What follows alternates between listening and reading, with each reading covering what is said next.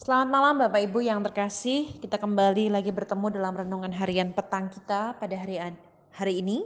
Mari sebelum kita akan mengakhiri hari ini, kita akan bersama-sama kembali merenungkan sabda kebenaran firman Tuhan yang memberikan kita kekuatan dan juga ketenangan untuk beristirahat di malam hari ini. Mari kita berdoa.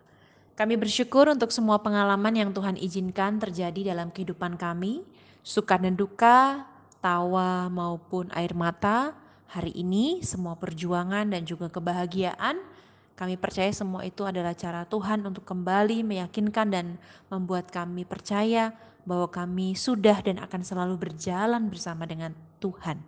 Terima kasih Bapak, sapalah kami, segarkanlah kembali seluruh tenaga kami yang mungkin saja sudah terkuras seharian ini.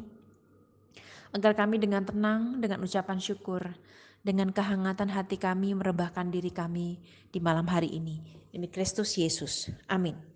Bapak Ibu yang terkasih, firman Tuhan terambil dari Injil Yohanes pasal 15 ayat yang ke-18.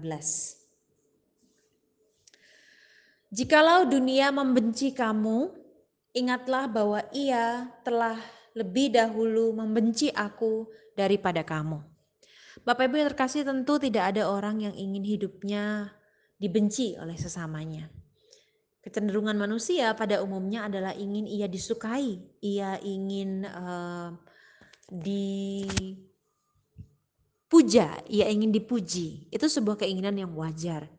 Tetapi justru keinginan itu akan bertentangan dengan apa yang harus kita terima ketika kita menyatakan komitmen kita mencintai Tuhan dengan iman yang kita pilih dan hidup kesaksian yang kita lakukan hari demi hari.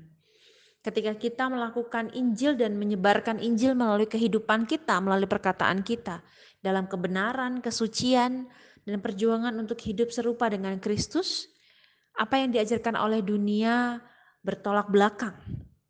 Ketika dunia mengajarkan mata ganti mata, tetapi Kristus mengajarkan berilah pipi kananmu untuk dipukul oleh musuhmu, berilah seluruhnya kepada musuhmu itu menjadi satu nilai yang salah satu nilai yang bertentangan. Dan ketika kita melakukannya dunia membenci kita. Mungkin saja pernah sesama kita membenci pilihan iman kita. Tetapi hari ini ada sebuah penghiburan pada kenangan yang Yesus katakan kepada para murid sesaat sebelum dia keesokan harinya akan disalibkan. Dia kembali mengingatkan para murid dan kepada kita hari ini bahwa Jauh sebelum kita dibenci oleh dunia karena perbedaan nilai yang kita lakukan dalam kehidupan kita, dunia sudah terlebih dahulu membenci Yesus dengan semua hal dan kebaikan yang ia lakukan. Oleh karena itu, Yesus dalam firman-Nya ini mau mengatakan, jangan takut, jangan jangan menyerah. Ketika kita harus menanggung segala beban dan hal-hal yang membuat kita lelah untuk melayani Tuhan, untuk mengabarkan Injil, selalu ingat bahwa jauh sebelum hari-hari berat ini Tuhan Yesus adalah pribadi yang sudah mencontohkan dan meneladankan kepada kita bagaimana ia hidup dengan penuh kesetiaan sampai pada akhirnya dunia telah terlebih dahulu membencinya dan kuasa dosa, kuasa kebencian dalam maut itu sudah ditanggung oleh Yesus. Nah, oleh karena itu kita mampu tetap menanggung semua perjuangan dan tantangan karena kita memilih mencintai dan menyebarkan Injil dalam kehidupan kita. Oleh karena itu Bapak Ibu dan saudara yang terkasih, ingatlah seluruh pengalaman kita eh, pada hari ini yang Tuhan izinkan terjadi.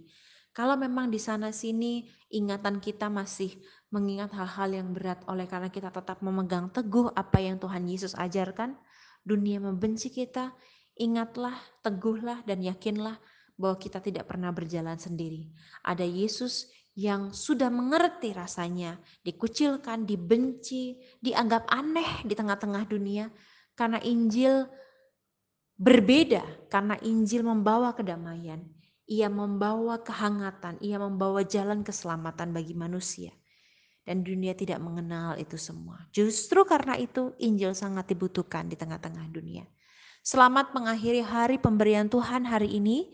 Biarlah kita mengistirahatkan badan kita, pikiran kita, dan hati kita dalam sebuah keyakinan iman bahwa dalam semua hal yang kita lakukan dengan cinta kepada Kristus, meskipun kita dibenci dan dikucilkan, kita tahu kita mampu menghadapinya dengan kasih oleh karena Kristus sudah meneladankannya kepada kita.